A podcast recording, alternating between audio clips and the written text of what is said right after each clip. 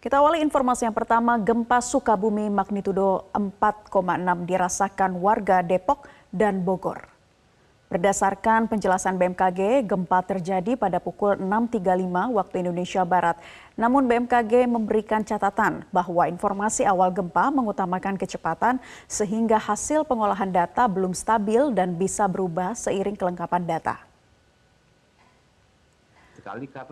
Kepala Pusat Gempa Bumi dan Tsunami BMKG Daryono dalam unggahannya di media sosial X menampilkan dampak gempa yang membuat sebuah rumah rusak parah. Pelang waktu datangnya gelombang primer gempa bisa merobohkan rumah itu adalah gelombang shear yang datang beberapa detik setelah gelombang pressure. Jelajahi cara baru mendapatkan informasi. Download Metro TV Extend sekarang.